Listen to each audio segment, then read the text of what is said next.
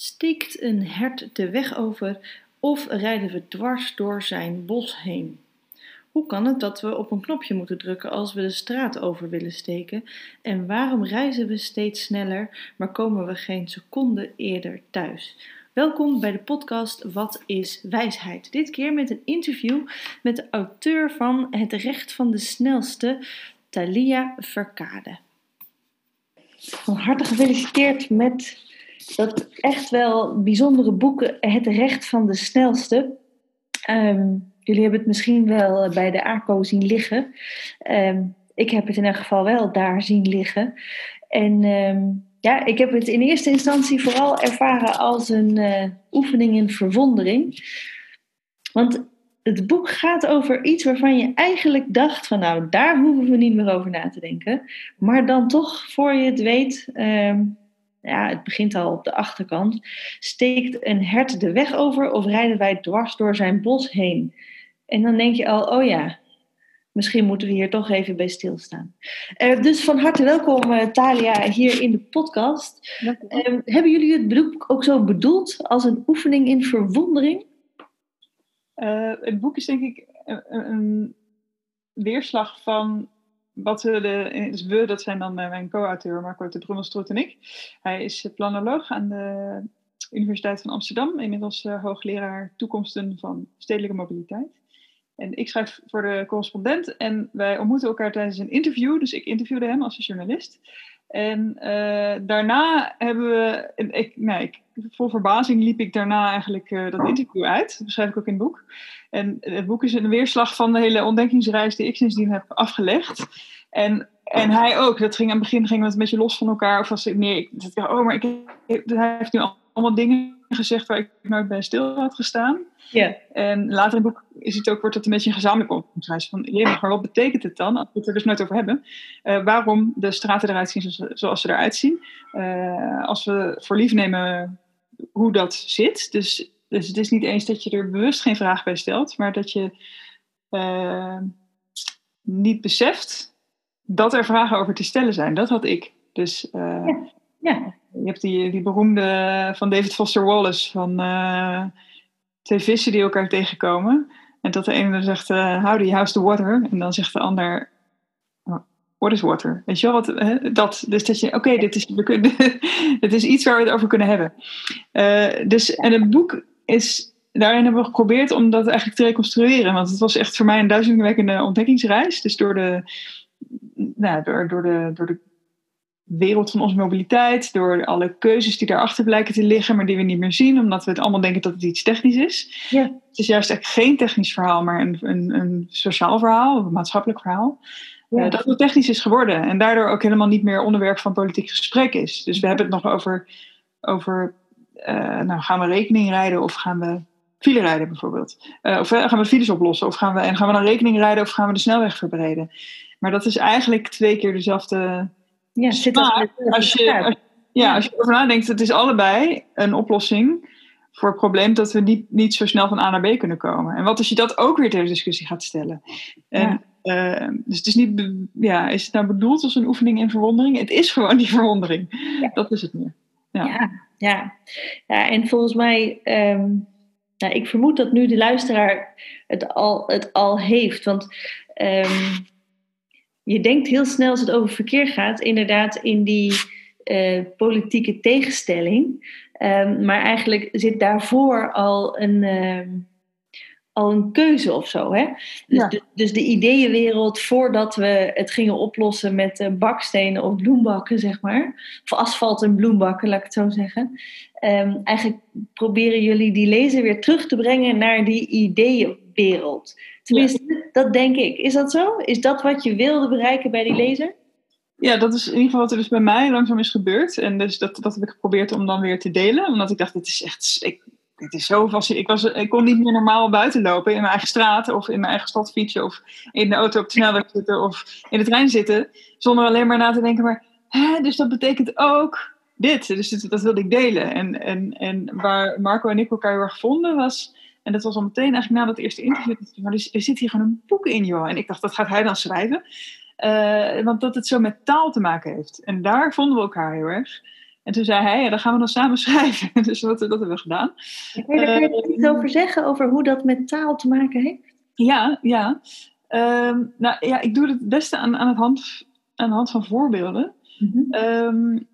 dus wat er in dat gesprek gebeurde, en dat hebben we dus ook in een boek beschreven, is uh, dat ik kwam naar binnen en, en ik had een oplossing bedacht voor het fileprobleem. Ik had dus al bedacht dat het fileprobleem een probleem was waar ik me als journalist mee bezig ging houden en waarvan ik dan ook de oplossingen wilde opzoeken. Mhm. En ik dacht, dat is een technologische oplossing, fietssnelwegen. En toen vroeg Marco, maar als je het woord fietssnelweg zegt, dus over die taal, dan, dan zeg je dus eigenlijk dat, dat, het, dat, dat, dat fietsers een soort van automobilisten op twee wielen zijn.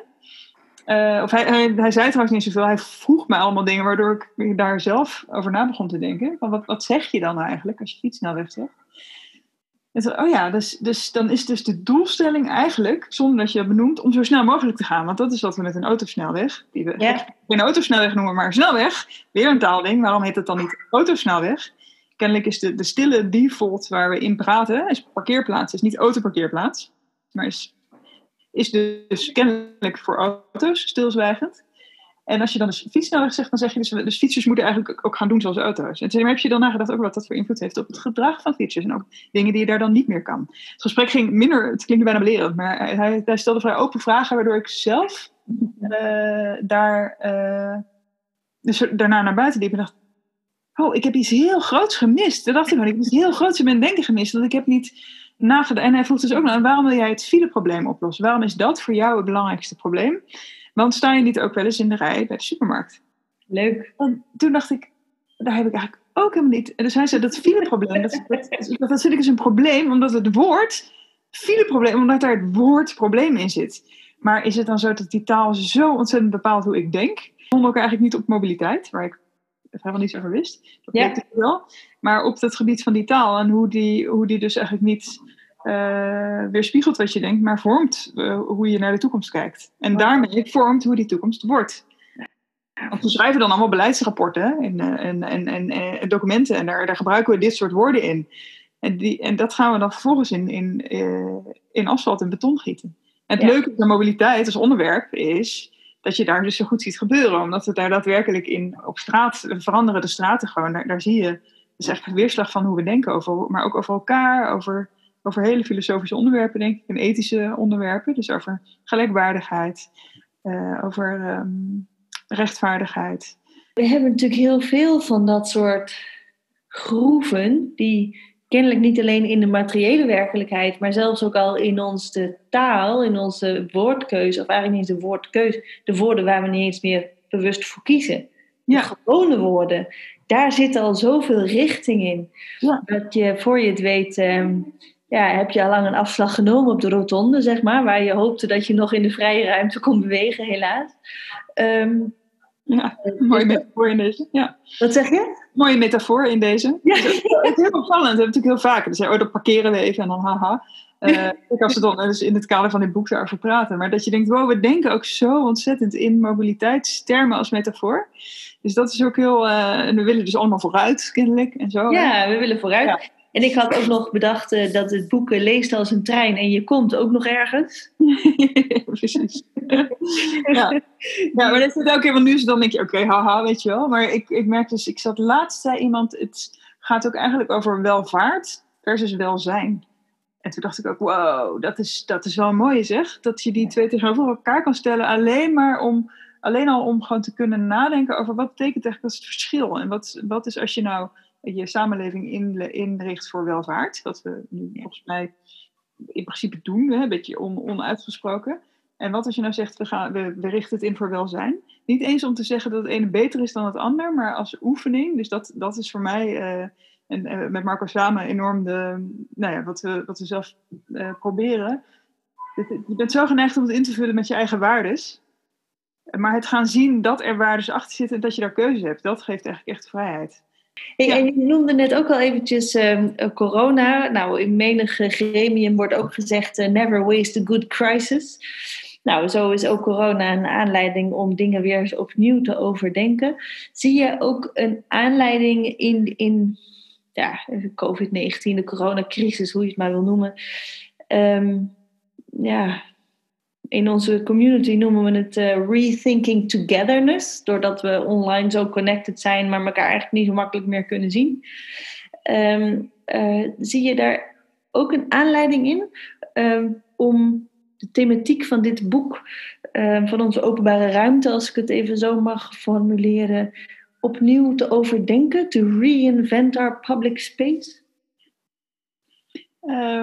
Het is heel grappig. Ik, schreef het, uh, ik leverde het manuscript in en dat was op zondag, wat was dat, 16 maart? Volgens mij is die 15, 16 maart. Ja, die de zondag. Ja, de zondag. De zondag. En, en toen leverde ik het in, toen kwam ik dus beneden bij mijn vriend en zei ik, ik hoorde nu, ik zag iets, ik heb het ingeleverd. Dus ja, ik zag dus iets over twee weken de scholen dicht. Wow. Uh, en dat was het moment dat het boek uit was. Dus we, we landen daar middenin, toen een maand uitgesteld, de publicatie van het boek. En toen al heel snel merkte ja, omdat gewoon vanaf die maandag veranderde het hele straatleven. Dus iedereen ging daar natuurlijk over nadenken. Van, oh, ik ben nu, ik zag ineens mensen papiersnippers, weet je, met hun kinderen, met zo'n grijper. Ja. En ik dacht, nou, dat heb ik echt nog nooit gezien in mijn wijk. En dat is gewoon een woonwijk in Rotterdam-Noord. En, uh, want iedereen had ineens spontaan die vraag. Van, oh, uh, en, en ook, die, ook die, zelfs die verwondering, denk ik, van, hé, hey, het kan dus heel anders. En het is wel, uh, nou ja, het is natuurlijk ook gewoon echt vervelend. Nee, ik ervaar het als echt vervelend, waar we nu in zitten. Dus ik ben er een beetje beducht dat met corona misschien dat soort uh, beslissingen die heel erg ingrijpend zijn, nu dan maar nemen. En waarvan me dan eigenlijk, wat ik vooral vind, is dat me dan onduidelijk is of het kan worden teruggedraaid, of het tijdelijk is. het... Duidelijkheid, want dat is wel, denk ik wel, een uh, heel waardevol punt. Noodoplossingen zijn voor je het weet het nieuwe normaal. Ja. En, en, en zijn we. Uh, en dan zitten we toch wel weer, dan zit je toch wel weer een beetje bij het punt van de recht van de snelste. Uh, je kunt ook te snel goede noodmaatregelen nemen. Uh, maar dat is dus volgens mij eh, is het vaak moeilijk om te zien wat iets niet is. en ik denk dat dat misschien bij de coronamaatregelen dus ook geldt. Ik ben er dus nu zelf meer bewust van dat dat, dat, dat het ook iets kost. Dus die oplossingen die, die, die hebben vaak perverse effecten en die zie je niet zo snel als uh, het probleem dat je aan het oplossen bent. Omdat je uh, nou eenmaal op dat probleem, dat ene specifieke probleem gefocust bent. Ik vond het fantastisch dat je een die band op een gegeven moment, een maand geleden, twee maanden geleden, die zei: dan geven wij wel een, we huren wel een oude Boeing en dan geven we daar een concert. Want je mag namelijk wel vliegen en wij mogen geen concert geven. Nou, dat. Dus dat vond ik wel echt. Ik dacht, het goed dat ze dat laten zien. Dat we dus iets. We praten over aerosolen en zo. Uh, maar ondertussen is het gewoon ja, daar gaat, het gaat over meer. Maar ik vraag, me, ik vraag mezelf soms af of dat nou bewust gaat. Ik weet het niet helemaal. Of dat we zo diep zitten in. Maar je economie moet nou eenmaal doordraaien. En, en, en, en, vliegen is nou eenmaal. Uh, er zitten meer euro's achter dan de cultuursector of zo. Ja, zoiets. En het is, het is een. Um, ik weet ook niet of dat bewust wordt gedaan, natuurlijk. Maar de. Um, ik, ik denk dat het heel erg aansluit bij het appel op. Um, uh, feiten zijn nooit neutraal. Dat willen we wel, maar dat bestaat niet of zo. Dus er zit een betekenis in en dat vraagt om dat oordeelsvermogen. En eigenlijk doen jullie in dit boek een appel op, op, op dat oordeelsvermogen nog eens helemaal open te gooien. En let's rethink this stuff, weet je wel? Ja. Uh, want, want het zit al zo ver, zo verder in. En dan in corona eigenlijk vooral de waarschuwing is te zwaar, maar wel de oproep voor die alertheid van let op, weet je, die noodmaatregelen. Ja. Eén, voor je het weet zijn ze definitief. En twee, um, het lijkt een ogenschijnlijk onschuldige, goede, snelle oplossing, maar misschien is het een stuk minder neutraal dan je denkt. Ja, precies. Ja. En het, dan ga je dus praten over problemen en oplossingen. En ik merkte, daar zit eigenlijk, dat is al een enorme ingenieursmanier van kijken naar de wereld eigenlijk. Alsof dingen een probleem zijn met een oplossing. En dat kan zo'n hub bijvoorbeeld ook heel snel hebben. Dat is dan, dat is dan, het woord is officieel zelfs eigenlijk iets uit de mechanica. Ik dacht, oh ja, dus uh, dan zit je weer in problemen en oplossingen te denken. Terwijl je misschien eigenlijk gewoon dat, dat, dat, dat veel moeilijkere, maar ook wel echt super, merk ik nu, super interessant. Ook wel echt, er zit heel veel uh, kans op conflict heb je. Dat vond ik altijd heel spannend, ben ik nu een beetje aan het leren. Je hebt dus gewoon meer kans op conflict als je het gewoon gaat hebben over. Oké, maar wat wil jij en wat wil ik? En even zonder de oplossingen. Wat, zit er nou, wat zitten daar allemaal voor vraagstukken aan? Ja. Dus veel meer als een dilemma. En ik merk dat is dus, het is bijna voor mij onmogelijk, omdat ik altijd, ik wil altijd naar die oplossing toe denken. Dus ik probeer daar nu ook bewust van te worden. Ja. Uh, want dan krijg je dus dan krijg je dat echt soort van dictatuur van het technisch denken of zo, waar we volgens mij best wel een beetje af en toe in zitten. Van, Ja. Het moet gewoon maar, uh, uh, Ja. het moet gewoon opgelost worden. En de ingenieurs zullen het wel oplossen. Dus daar is, ik had ook eh, zelfrijdende auto's, elektrische auto's, het was allemaal heel technisch. Slimme verkeerslichten, smart city, bla bla, voor mobiliteit. Nou ja, ik merk nu dat is gewoon dan, dan. Het is heel makkelijk als je dus liever geen uh, ingewikkelde gesprekken met je buren wil hebben over uh, dingen als parkeerplaatsen en zo. Dus dan kun je conf het conflict uit de weg. Maar ik ga daarmee. Ja. En volgens mij is dat wat er zo aantrekkelijk aan is. Ja, en zo gingen we van de stoeprand naar waarom die moeilijke gesprekken toch snel vermeden worden over alle beslissingen en keuzes die onder al die oplossingen liggen, waar we allemaal zo heel graag, en terecht ook, dat maakt het juist zo pijnlijk, uh, maar waar we allemaal zo heel graag naartoe willen. Um, dat was het dit keer, deze podcast. Leuk dat je luisterde. En eh, mocht je het nou een interessant boek vinden van de uitgever, mogen wij drie exemplaren verdelen onder de leukste reacties op LinkedIn. Dus leuk als je ook ons bericht over deze podcast liked op LinkedIn, maar vooral leuk als je dat bericht voorziet van een commentaar. Want uit die commentaren kiezen wij de drie leukste. Jawel, reuze leuk. Want dan sturen we je met plezier een exemplaar van het boek van Talia Verkade toe. Talia Verkade toe, want zo moet ik het uitspreken. Leuk dus om je te lezen en leuk om de volgende keer weer je als luisteraar te ontvangen. Tot dan, doei!